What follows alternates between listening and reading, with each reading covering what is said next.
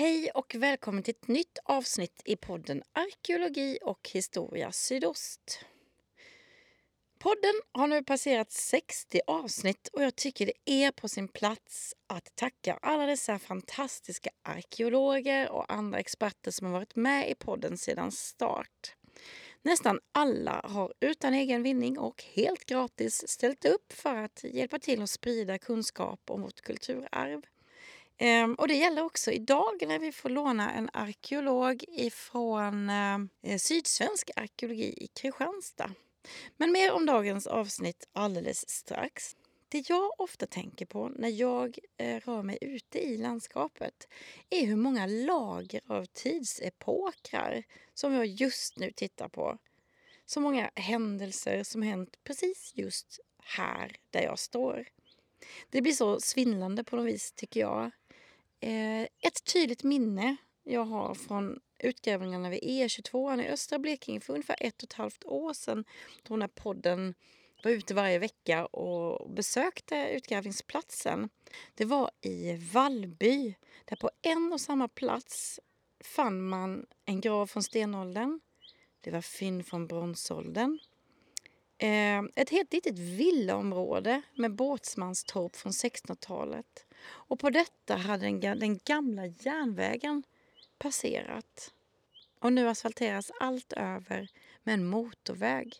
Och så här är det hela tiden om vi ser oss om. Och det tycker jag är en svindlande känsla men också lite en, en räddning på något vis i, i de där tiderna när man funderar på framtiden och vad som kommer hända. Att, ja, det har förändrats precis hela tiden. Och detta är något vi återigen kommer att få se. För i dagens avsnitt ska vi till en by som heter Färlöv som ligger i nordöstra delen av eh, Skåne.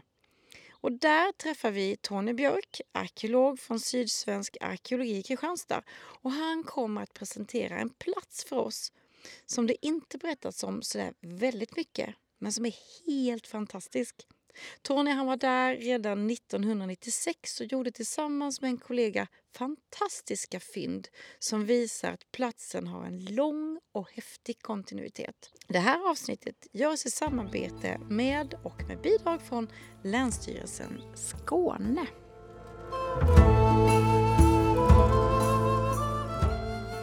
Ska vi, vill du först promenera ner till gravfältet? Eller? Ja, jättegärna. Du... Ja, absolut.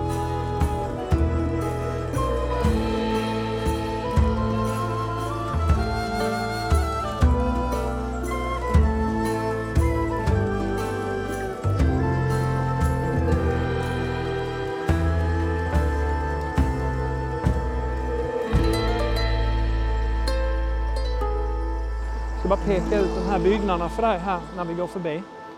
Och kommer vi längre ner så ligger det ytterligare en sån du anar där borta. Ja, där är en ja, ja, där också. Just det. Och ytterligare en sen längre ner. Mm. Eh, och det var en väldigt eh, strukturerad eh, omläggning av hela lantbruket här på 1700-talets eh, andra hälft som godset låg bakom. Okay. För de ägde i princip all mark. De dominerade ja. här totalt. Och godset, när vi säger, när säger det Araslövs gods. Araslövs gods. Ja. Mm. Och eh, då har man eh, slått sönder alla gamla existerande strukturer. Och man anlägger den här långa, långa Wrangels allé. Ja, för den reagerar jag på. Den är spikrak. Ja. Är den så gammal alltså? Ja. Wow! Och, men här växte ju gigantiska almar innan. Men ja. många av dem hade almsjuka. Mm. Så man tog ner det i mitten på 90-talet och planterade den här lindallén istället. Och det var då vi hittade den runstenen som står där borta. Oh, ja, just det. Den måste vi också prata om. Ja.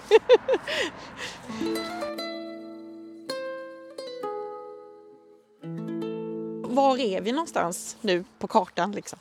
Vi är Färlöv. Färlöv? Ja. Mm. Strax nordväst om eh, Kristianstad. Mm. Invid eh, Araslövssjön som är en del av Helgeåssystemet som kommer uppe från Småland. Och var går den nu? Ja, du ska ner någon kilometer bakom villorna där. Ja, ja, ja det är så pass långt? Ja. ja, ja. Nu skramlar de här lite byggnadsarbetarna. Ja, det gör ingenting. på med några ställningar. Men wow, vi är alltså du. mitt Vi, i... vi är mitt i, i gravfältet här. Herregud, och det är parkeringar och Bostäder och bostäder och... allt möjligt. Okej. Och du ser ju också utsikten ut ner mot Vinneå och bort mot Nävlingeåsen.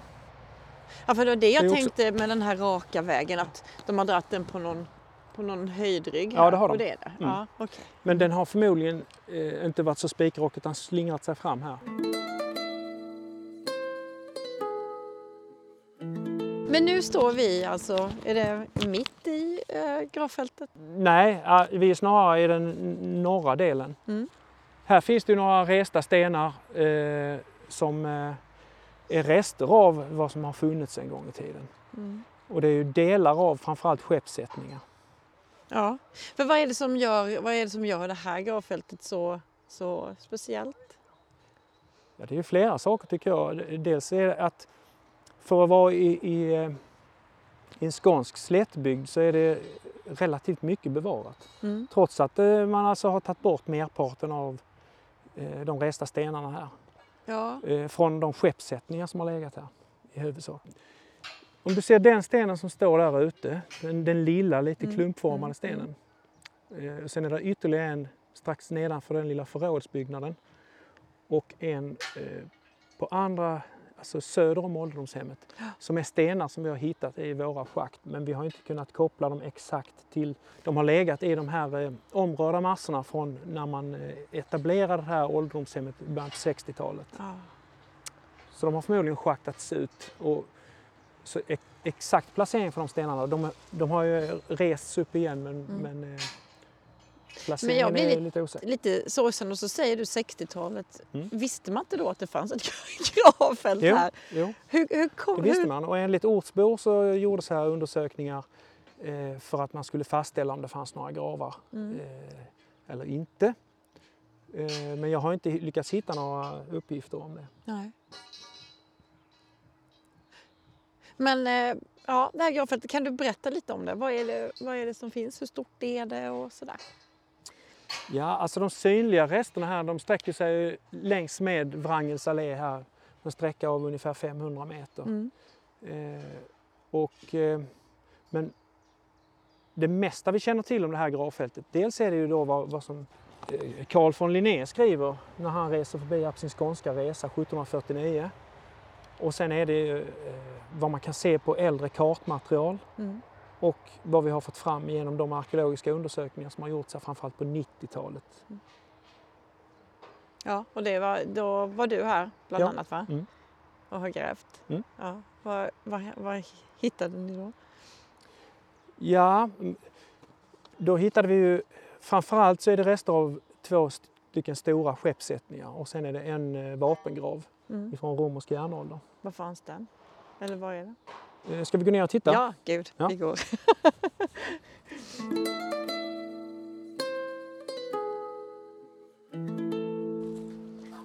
ja, det, jag blir sådär... Jag har ju sett bilderna, de här bilderna på detta men jag trodde inte att det var riktigt så nära allting och så mycket bebyggelse. Vad vet man? Har det sträckt sig hitåt också då eller? Inte vad vi kan se på äldre kartmaterial och, och det är ju eh, utan det, det, det följer ju så att säga den här vägsträckningen Mm. som det ser ut. Mm. Jag har en kollega som har varit här nere och grävt också bland annat eh, utan att hitta några lämningar.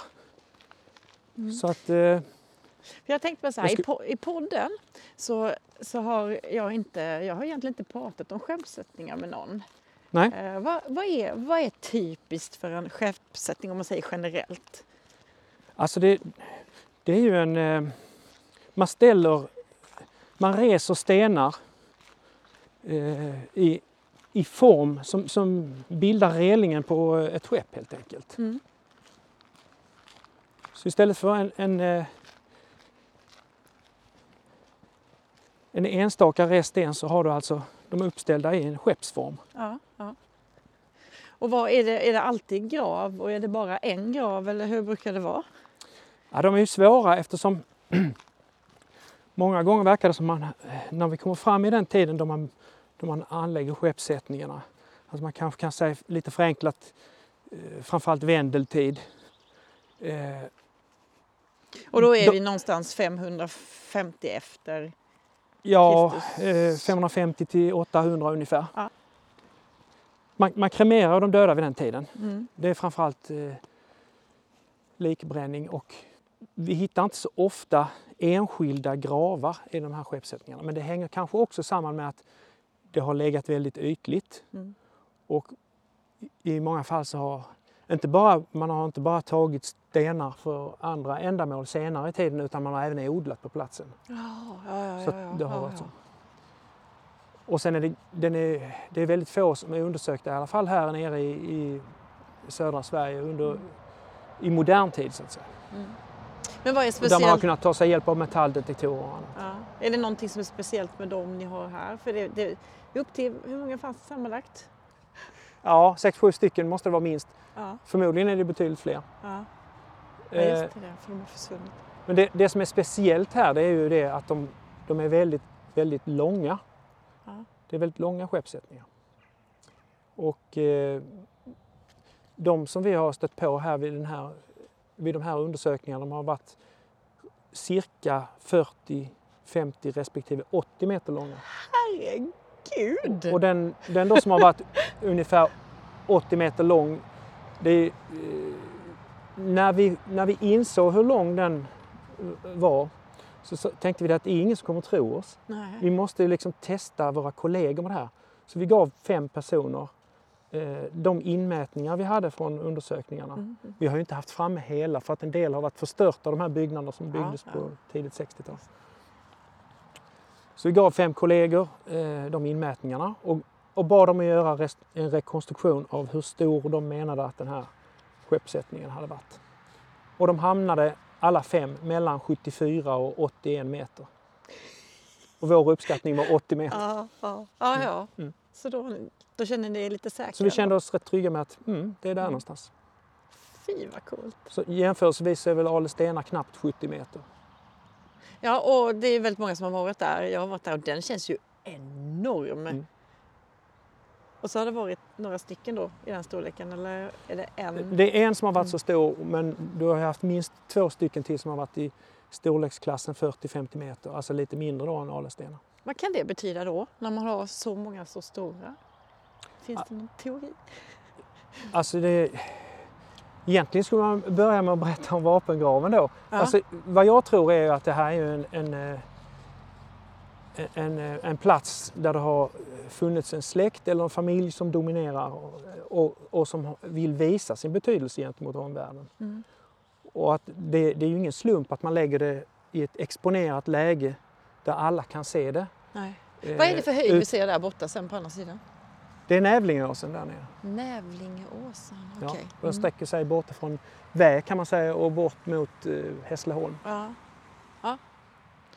Häftigt. Ja, ja, nej, det, det är ett speciellt läge då, ja. ja. Ja, att man, att man eh, lägger, dels lägger det vid en väg Mm. där alla förbipasserande, och det är ju ingen, inte vilken väg som helst heller. För tittar man på eh, de äldsta kartorna vi har som är eh, Gerhard Burmans från 1680-talet så Mm. finns ju den här vägen redan. Eh, och den sträcker sig ner egentligen från Ystad, dagens riksväg 19, och upp mot Småland, Aha. till inre av Småland.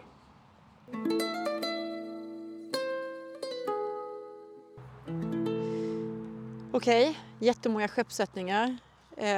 Du var någonstans där om att det var något speciellt ett eller så. Ja. Mm. Vet man någonting? Du pratade om en vapengrav. Kom till den, kom till Ja, ja, det var det jag skulle visa. Ja. Alltså nu är vi på en, kan man säga lite bakgård, gräsmattan på baksidan av ett, ett ålderdomshem. Ja, eller? ja. Det är 15, me- 10 meter från Och de den byggnaderna du ser här, det var det man byggde ut då i slutet på 90-talet. Mm. Och det är ungefär här under som den här vapengraven påträffades. Ja, under huset. Och eh, skeppssättningen, den stora skeppssättningen då, den som vi menar är 80 meters klassen, Ja. den sträcker sig ungefär härifrån och bort över på andra sidan av ålderdomshemmet.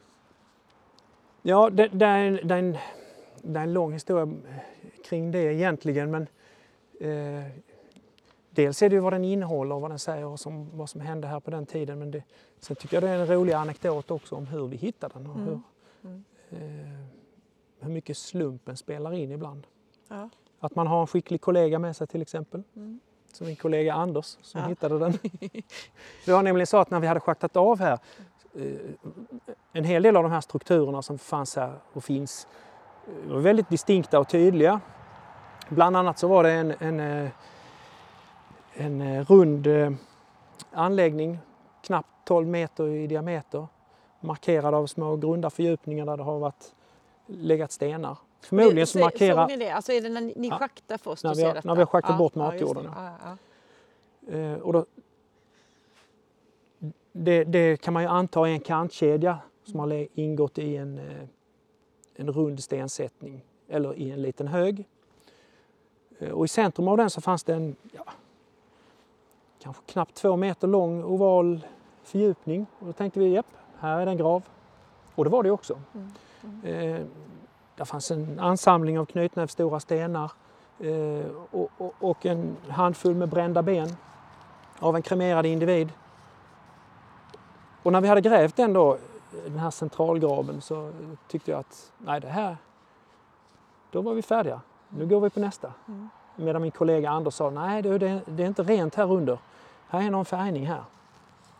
Jag tänkte för mig själv att ah, det där är lite blekbruna, det är några rötter eller någon urlakning i, nere i sanden och moränerna. Eh, Men han gav sig inte så jag tänkte, ja ja, kolla du vidare. och jag fortsatte med något annat. Mm. Tills han plötsligt tjoade att du, det kommer en flat stenhäll här nere. Nej. Uh, tänkte jag, vänta lite nu. Och det Vad var det betyder det då? Där fanns en liten stenkista. Eh, och med en flat sten som ett lock ovanpå. Oh, så pass! Ja, Hur långt ner Och- då? ja om, jag skulle väl säga typ en 70 centimeter ner eller någonting sånt. Gissningsvis. Jag Men kommer inte ihåg alltså- måtten exakt. Var det så, låg den, den, under? den låg under den här första graven vi grävde. Bruk, alltså jaha. Wow. Och, eh, det kan ju handla om att man har, man, man har eh, begravt någon anförvant till de människorna senare Mm, ovanpå eller någonting liknande. Det är ju svårt att säga men eh, extra svårt när det handlar om kremerade ben. Ja. Men i alla fall så eh, vi mätte ju in det här och fotade det och sen lyfte vi på den här stenhällen och då såg vi en, en grön ring. Kanten av ett, ett bronskärl som stod där under. Och då fick man ju lite, lite gåshud kan man säga. spännande. Och vi börjar och försöker att- att frilägga den här och plocka fram den men vi märker ju snabbt att eh, den är ganska, det här bronskärlet är ganska sprucket i sidorna och vi kommer aldrig kunna få upp det helt. Så tänker vi att okej, då börjar vi med att tömma ur, plocka ur de brända benen. Mm. Men då visar det sig att genast vi börjar med det så upptäcker vi att där är- ligger en massa järnföremål också i den här kitteln. Och vi kunde se att åtminstone en lansspets och någonting mer. Så vi tänkte att hmm, det är nog bäst att vi ringer efter en konservator som får komma hit. Och då kommer det, eh, Björn hette han som, från Lund. Eh, och han, han la runt ett gipsförband och plockade upp den som ett preparat. Och tog med den till eh, sitt laboratorium i Lund. Och Alltså runt hela... runt hela det här Kan man göra bronskärlet. det? Ja, ja. Och sticker en plåt under och lyfter upp det. Så att det håller ihop. Gud vad coolt! Sen eh, plockar han ur det i laboratoriet i lugn och ro. Ja. Och hur... Och konserverar det och så vidare. Men i alla fall så eh, innehållet i den här visar sig vara eh, de kremerade kvarlevorna av två män. Mm. Varav den Hur vet en, man att det är män? alltså det har gjorts en osteologisk analys. Och det är ju en bedömning som en osteolog då har gjort. Mm. Att, bevarat på de här skelettfragmenten. Och det är väl framförallt eh, delar av kraniet och bäckenbenet som man har tydligast könskriterier på skeletten. Eh, Men förutom eh, de här två individerna då så fanns det även eh, en, en mängd vapen. Det fanns två landspetsar, två spjutspetsar, två svärd, två sköldbucklor Två av allt eller? två sköldhandtag, två par sporrar eh, och så eh, två små bronsfigurer, eller bronsbläck i form Mm. av människofigurer. det har jag sett någon bild på. Någon... Mm. Ja. Vad hade man den till?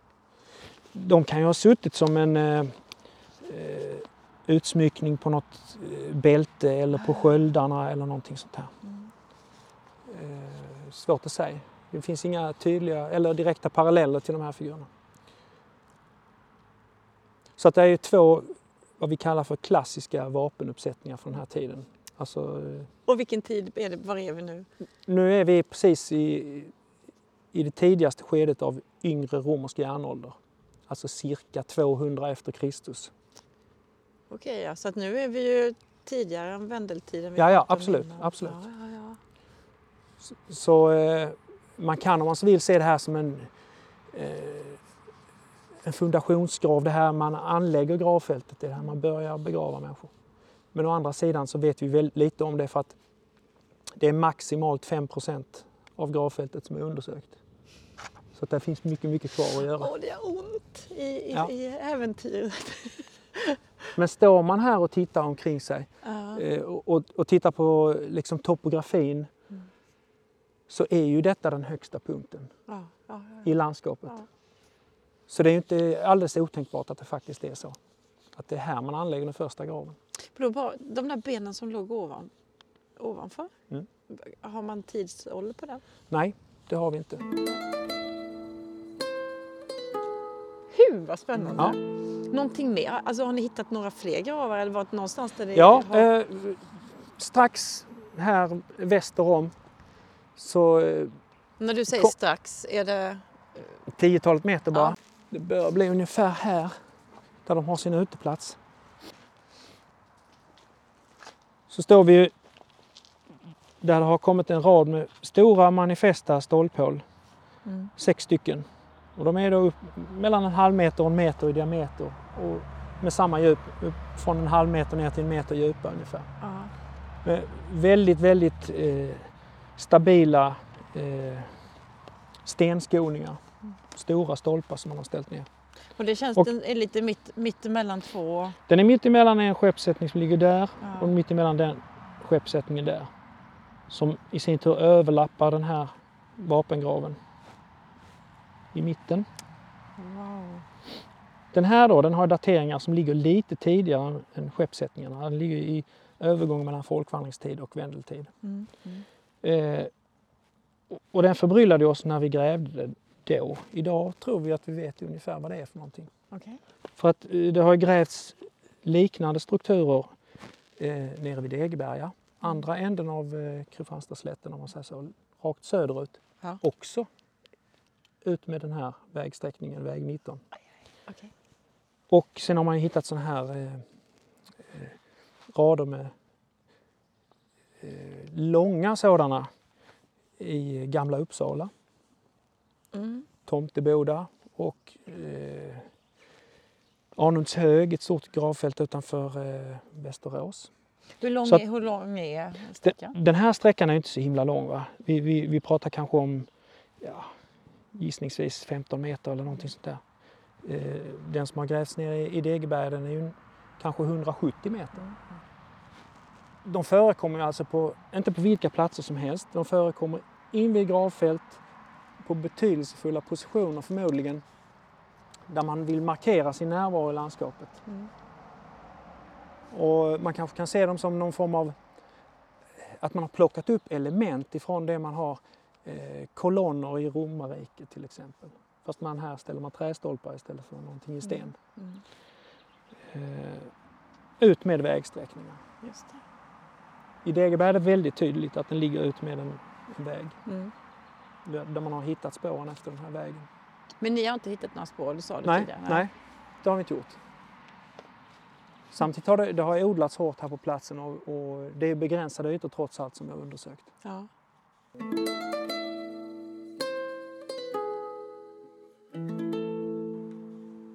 Men hur, hur mycket av eh, hela gravfältet ser man? Det står en sten mitt i alltihopa. Är det eller är det väldigt lite man ser? Eller? Nej, alltså vi kan ju gå ner igenom här längs med vägen. Så ser du ett par resta stenar inne på en liten hög på den gårdsplanen. Eh, nästa lilla torp nedanför, de har en liten skeppssättning in i sin trädgård. Nej. Och kommer du sen ner i skogsdungen, du ser Ja, där nere ja. längst till söder, så finns där ytterligare en rad med eh, resta stenar kvar. Mm. Och de sammanfaller väldigt väl med det man kan se på skånska rekognoseringskartan och på de tidiga skifteskartorna. Så Men då är det att- den här riktningen man tror vägen, alltså vägen har gått Ja, då? Vägen har gått mer- lite, lite mer dragen från nordost mot sydväst. Ja. Idag Mm. går den mer i rakt nordsydlig Mm. riktning. Och förutom alla skeppssättningar och sånt, har man hittat vanliga flatmarksgravar och sånt också? Eller? Ja, men det är det lilla egentligen. Eh, det, det finns ju enstaka brandgropar här. Mm. Eh, framförallt är det väldigt, väldigt mycket störningar från odling här under historisk tid, alltså Ja. medeltid och senare. Ja.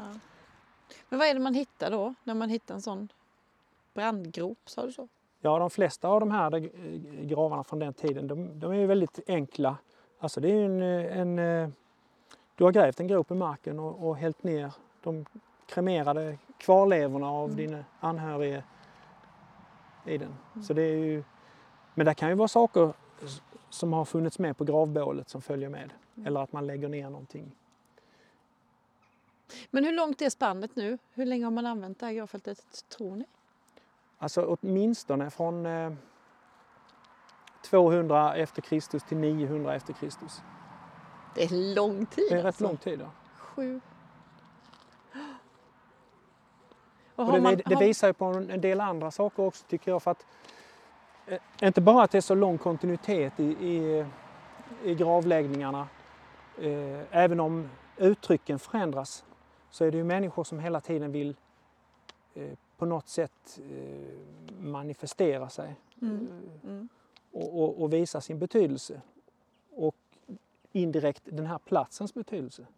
Vad- hur hänger den ihop med andra delar av eh, nordöstra Skåne, Kristianstadsslätten precis. och Ja, Skåne, för det var min andra fråga. där. Danmark. Mm. Eh, men sen så kan man ju också se på att det, det, är, en, det är en väldigt uppenbar fysisk kontakt med den historiskt kända bytomten. Med den medeltida byn och den medeltida kyrkan. Mm. Som jag också tycker är, är viktig att peka på. Att det finns en väldigt lång bebyggelsekontinuitet kan man ju Ja, ana. ja, Även om vi ja. inte har grävt någon bebyggelse här i närheten från järnåldern. Så vet vi ju att den ligger ju nog inte allt för långt härifrån. Nej. Ja, det är ett problem också i Skåne. Ja. Att mycket är bortodlat och Ja, det är ja, svårt jo. att komma åt. Mm. Liksom. Ja. Det är jättespännande. Och det är lite kul då, där på andra sidan, vad blir det då? Norr om ålderdomshemmet. Här kan man i alla Mm. fall se några stenar Mm. om man kommer hit. Häftigt. Men Och sen man... så kan ju folk då tänka, eh, vad, jaha, eh, vad har alla dessa stenar tagit vägen då? Om här Ja, har stått precis. massor med skeppssättningar med, med resta stenar och det finns bara några enstaka här och var. Mm. Men tittar man sig omkring och, och på de här stora farmerna som godset lät anlägga i slutet på 1700-talet och början på 1800-talet Mm. så är det enorma gråstenslägen. Det har gått åt lite sten i dem. Ja, ja, ja. Och, eh, Hur mycket sten finns det här naturligt? Alltså, eller förstår du vad jag menar? Som jag som kommer från Blekinge där borta. Vi har ju stenmurar precis kors och tvärs. Hur är det? Ja, Här ligger ju stenmurar just faktiskt. här där vi står så är det ju en, det, det geologerna kallar en isälvsavlagring. Ja. Så det är ga- Jaha, höjdryggen är det? Höjdryggen Ah, är det, ja. ja. ja, Så det är ja. istransporterat material och Ja, det är lite det. blandat. Det ligger Ja. lite olika skikt och det är lite grusigare på sina ställen lite sandigare Ah, och finkornigare på andra. okej. Mm. Men ser man lokalt så finns det ju rätt så mycket lerjordar och sediment eh, västerut Mm. och moränjordar österut. Mm. Men ska man hitta sten just här där vi står så tror jag inte det är jättemycket. Nej, nej. nej, och framförallt inte av den där storleken kanske. Eller? Men då, då kan man ju passa på att citera eh, Carl von Linné som reste igenom här på sin Mm. skånska resa då, som jag nämnde innan. Eh, för han, han reste från eh, Torsebro ner mot Åsum, en by här söder om Kristianstad och passerade Färlöv. Och då skrev han att Färlövs kyrka, halv kvart ifrån Åby. Här stod på åkerfälten många höga och smala stenar uppreste och på åtskilliga ställen vore de i avlånga ringar uppställda. dessa vore ofelbart minnesmärken efter de gamles grifter. Så när han reser förbi 1749 Mm. så ser man fortfarande de här stenskeppen. Sen kommer godsets genomgripande jordbruksreformer Mm. när Mm. man eh, omvandlar landskapet här och då Mm. röjs det mesta av stenen bort.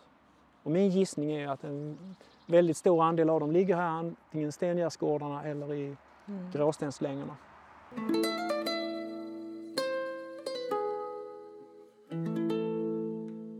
Men du, sen finns det en annan eh, lite speciell sak också i ena änden här. Ja. En runsten va? Det fanns en, en gammal allé här ut med vägen och den kantades ju av en rader med enorma almar. Men Mm. problemet var att många av dem hade fått almsjukan och var, man, man eh, menade att det var en trafikfara att ha dem stående. Mm. Så de eh, avverkades, man tog bort dem. Och sen skulle man återplantera med lind. Vilket då gjordes slutet på 90-talet. Och i samband med det så gjorde vi en schaktningsövervakning och följde när man grävde de här planteringsgroparna för, för lindarna Ja. ut med vägen. Och det resulterade i att vi, förutom att vi hittade någon liten brandgrav eh, och något fundament som förmodligen är till en ressten så hittar vi den runstenen som står här borta. Den här, är det en...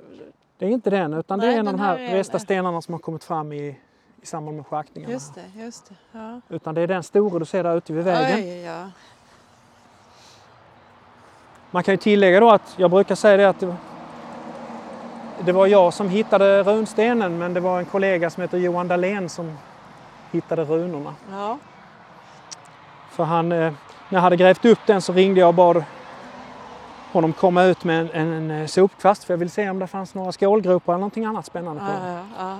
Och när, jag stod, när han kom ut med sopborsten och jag stod och sopade den så sa han, där är ju runor på den.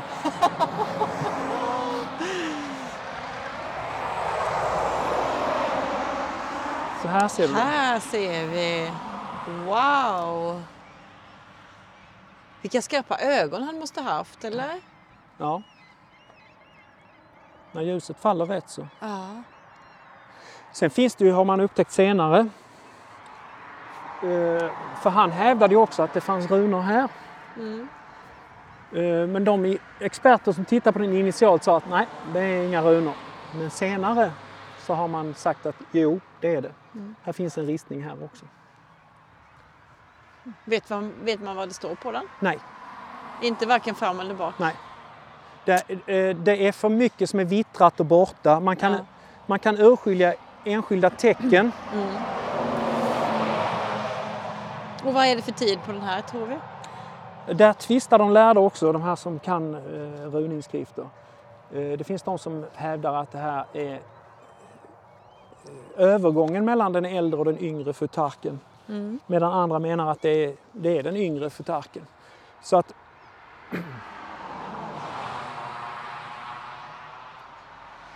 Wow! Och vad är det? N- någonstans, tecknen? någonstans 7, 8, 900-tal. Men det är ju en pågående eh, diskussion bland, bland runforskare kring inte bara den här ristningen utan många andra såklart.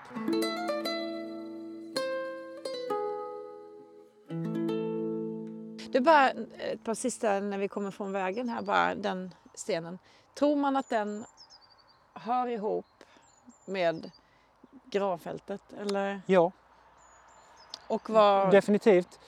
Eh, den, den verkar ju tillhöra så att säga slutskedet av gravfältets Mm. användningsperiod.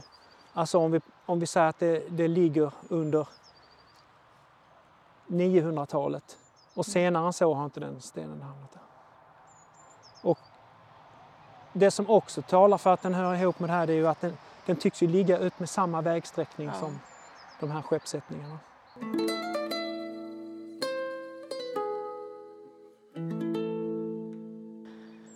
Nu är vi så långt norrut som eh, vi vet att gravfältet har sträckt sig. Mm. Eh, sen har jag ju i en artikel och diskuterat om inte de stenarna som du ser där, som, som, som lutar lite utåt så, att de är de, de stenarna som har varit närmst stäv eller akterstenen i ett skepp till som sträcker sig in i Ja, ja, ja, ja. eh, ja den för de, trädgården har, där du ser det de stora. hittar ni ett mönster till dem eller? Nej, Nej. de passar inte in med det andra. Nej. Så det där, jag menar att det har legat ytterligare en, en skeppssättning på det hållet. Mm. Eh, lite svår att komma åt nu inne i deras trädgård med massa stora uppväxta bokar och hus och annat. Men, wow. Men det finns ju andra metoder. Eh, man kan ju eh, eh, skanna av med, med, med markradar eller med ja. magnetometer och sånt. Kan man, alltså hur väl kan man se då? Eller hur gör man det? Är det att det studsar ner något ljud? Eller hur Ja, ja. Eh, jag kan ju inte ge dig den fysiska förklaringen till, till den här mätmetoden men, men du, du, du ser ju eh, skillnader i ja, tätheten i marken antar jag eller någonting annat. Som, det finns andra som kan förklara det bättre. Mm. Hur många sådana här, lite komple- såna här platser finns det i närheten? För det känns ju, du, vi sa nu, var det, är det, Ja. nu är jag geografiskt lite så, Helgå, eller Mm. nej, är det det Mm. som går där? Man har alltså kunnat ta sig upp ända från Östersjön också upp hit eller? Ja. Och, och eh, Helgeå är ju en väldigt, eh, här nere på slätten, så det är en väldigt lugn och trög flod liksom som flyter Mm. ut mot havet.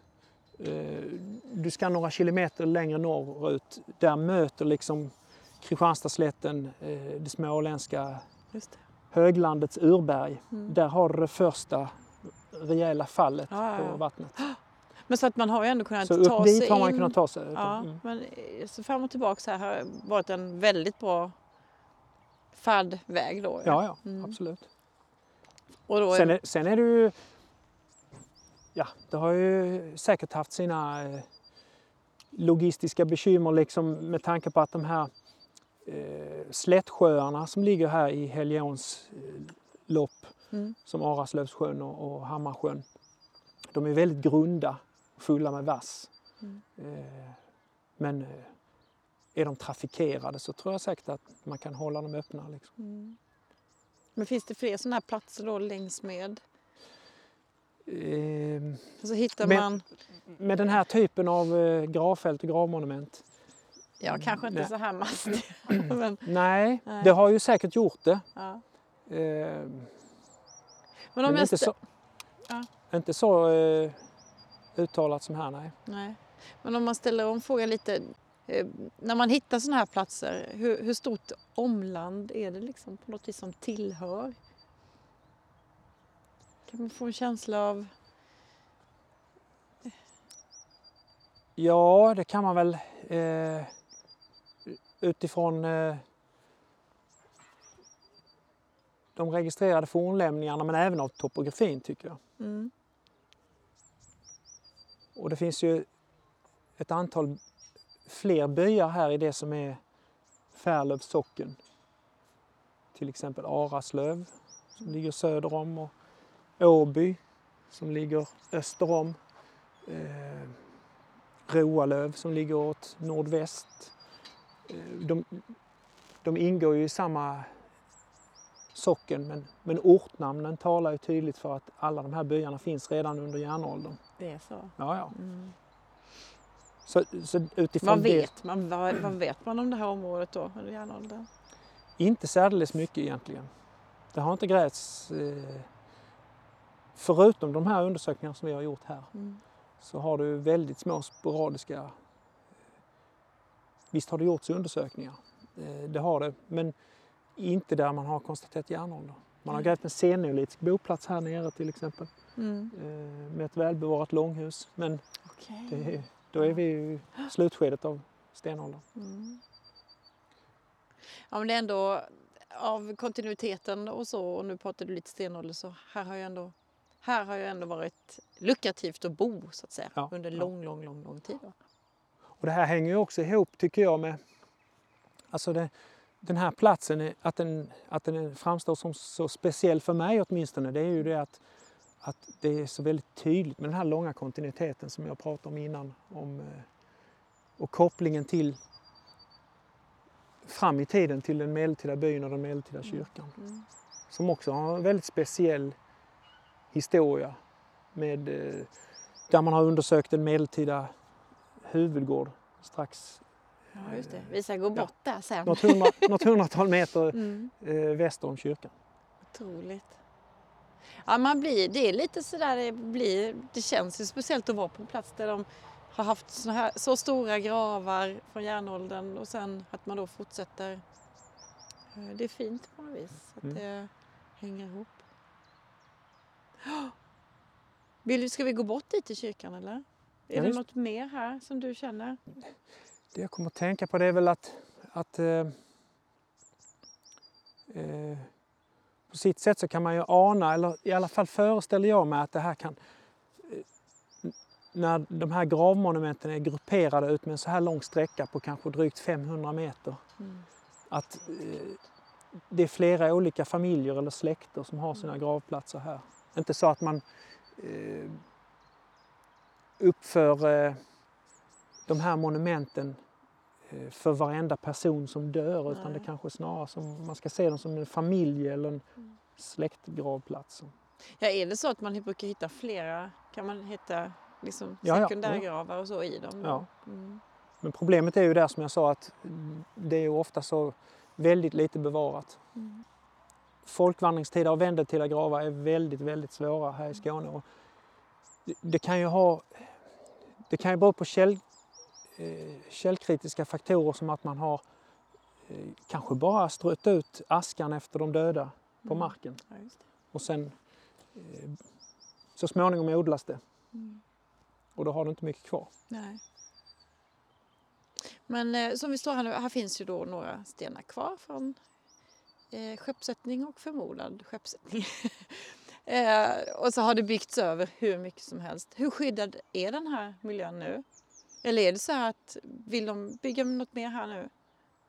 Då, då är det bara... Nej, nej, då, må- då måste de ansöka om tillstånd hos Länsstyrelsen Mm, och få göra ingrepp i fornlämningar. För det är registrerade fornlämningar. De här. ja. Men det Och är... det, det är oavsett egentligen om de ska dra en, ja, en ledning eller om de ska Mm. bygga ett hus eller en väg eller någonting annat. Jo, det förstår jag. Just att man, men om man skulle vilja smälla upp någonting här, är det verkligen så att ja, nej, men då tar vi bort resten av, sjö, av skeppssättningarna? Eller är de fridlysta här där de står nu? Det där är ju en fråga som är upp till myndigheten, till Länsstyrelsen. Så, Att, ja. att göra ett, en, ett övervägande om eh, fornlämningens eh, vetenskapliga värde överstiger samhällsintresset i den här exploateringen eller inte. Mm. Om man ska uttrycka det enkelt. Eh, och där kan man väl kanske generellt säga att eh, kan jag lägga ord i munnen på Länsstyrelsen och säga, Mm. att eh, jag tror att ju, mer som är synligt av fornlämningar desto svårare är det att få tillstånd att ta bort dem. Ja, det. Ja. Eh, är det en liten stenåldersboplats eh, som inte syns och inte, som är, kanske är ganska så eh, ankommen av många års odling och dåligt bevarad så är det säkert inga problem att få tillstånd. Är det ett järnåldersgravfält med synliga lämningar som det här så är det nog svårare. Men hur känns det för dig då? Du som ändå har grävt hur mycket som helst.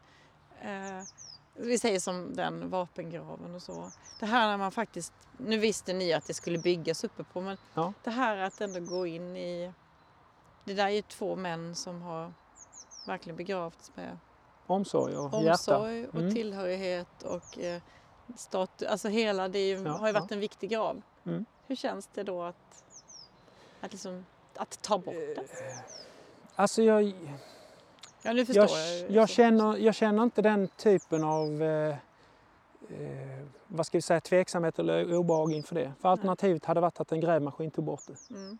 Utan jag känner, jag blir nyfiken, eh, jag tycker det är spännande Mm. och jag vill veta mer. Det är nog mest det jag känner. Ja. Ja, det är ju coolt. Mm. Herregud. Vad har man gjort med alla, alla fynden? Eh, föremålen har ju varit utställda i, i de har ju konserverats och sen har de varit utställda i omgångar både på Historiska museet i Lund och på regionmuseet i Kristianstad. Och, eh, Vet man något om männen? Kan man se, alltså, vet man något mer än att det var två män? eh, nu ska jag försöka dra mig till minnes vad som stod i den osteologiska rapporten. Men jag vill minnas att den, den ene eh, gjordes en åldersbedömning till mellan 20 och 40 år. Mm. Medan den andra tror jag inte man har kunnat göra någon åldersbedömning på.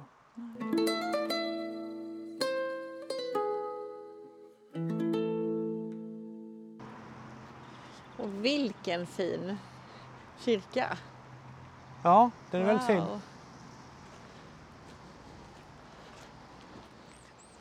Och den här är från, från medeltid från början? Alltså Ja, ja. första. Eh, nu är jag ju absolut ingen expert på kyrkor eller Nej. eh, kyrkoarkitektur men eh, den ska ju vara från eh, senare delen av 1100-talet i alla fall.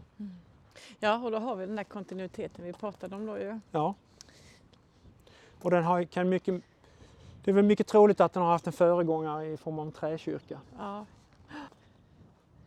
Och det här är också ett eh, i stort sett lika dominerande läge i landskapet ja, som visst. där den riktigt stora skeppssättningen och vapengraven ligger på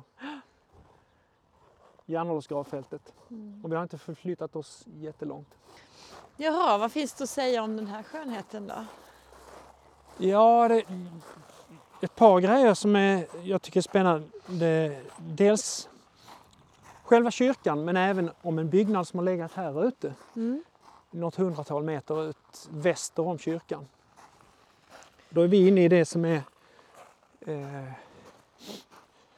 den historiskt kända byn, bytomten. Där man utifrån det äldsta kartmaterialet vet att, att byn låg.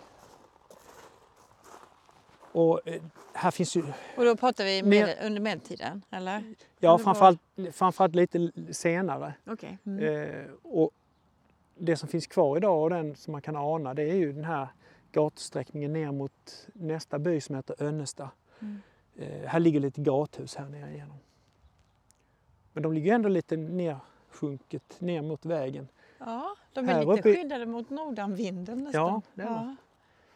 Men här uppe på krönet, här ute, eh, har man ju påträffat eh, grunden efter en, en tidig medeltida källare. Och det är, den är kanske ungefär i ålder med kyrkobyggnaden. Ja, ja, så då finns det ju... Ja, det är ju en häftig kontinuitet här. Ja. Och, Och den, här kyrkan. kyrkan, den här kyrkan med sitt eh, dubbla romanska västtorn, den är ju lite speciell. Det ser ut som det en ju domkyrka. liksom- Ja, det finns ju två sådana kyrkor till i, i Skåne som har haft dubbla torn. Mm. Och dels är det domkyrkan i Lund Där är jag döpt. Ja. ja. och sen är det Mariakyrkan i Vä. Okej. Men den har inte kvar sitt torn för det slogs sönder av ett blixtnedslag, tror det var på 1700-talet. Okej. Och sen byggde man ett nytt torn där. Ah, Ett. Ett. Men här är fortfarande två torn. Mm. Hur kommer det sig Och det man- finns, en- det finns en spännande lokal sägen om det där tornet också. Mm. Men eh, eh, alltså jag tycker det finns en tydlig koppling mellan Färlöv och Vä på många sätt. Eh, eh, Färlöv känns lite som en utpost till Vä som är den gamla centralorten på Kristianstadsslätten. Ja. Alltså föregångaren till Kristianstad. Vad, är det du, vad, vad tänker du på då? Ja, alltså dels kopplingen i form av eh, den långa kontinuiteten, eh, att man manif- tydligt manifesterar sin makt och betydelse här. Mm. Eh, nästan som en utpost till den här centralplatsen i Vä. Okej. Ja. Eh, Men också att man har samma typ av arkitektur på kyrkan. Mm. Att man gör ett, ett tvillingtorn. Och sen finns det ju en, en, eh, som jag sa, en rolig lokal sägen om den här kyrkan och dess tillblivelse. Att den eh, bygget påbörjades av en adelsman Mm. men han skulle eh, dra ut i krig för sin kung och eh, då överlät han byggherreansvaret till sin hustru. Hustrun var gravid och han sa i alla fall till henne att om det blir en son så vill jag att kyrkan ska ha torn när jag kommer hem. Ja, det ska jag se till, sa hon. Och när den här adelsmannen kommer hem efter fälttåget så är det två torn på kyrkan. ja, ja. Mm.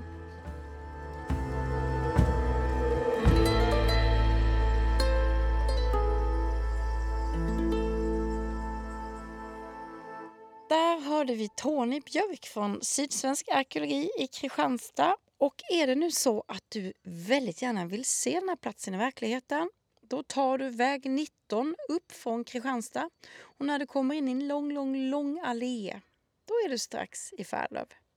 Och när du kommer in i byn så ligger det ett äldreboende på höger hand som är placerat alltså mitt på den största skeppssättningen i gravfältets norra del. Eh, vi fick inte med alla siffror i avsnittet men under den här grävningen 1996 så hittades 37 anläggningar med brända ben. 31 av dem analyserades och eh, innehöll eh, både människor och djur. Eh, så var det med det. Och om ni åker dit, kolla in runstenen. Glöm inte den. Och kyrkan, den är så fin. Som en domkyrka i miniatyr.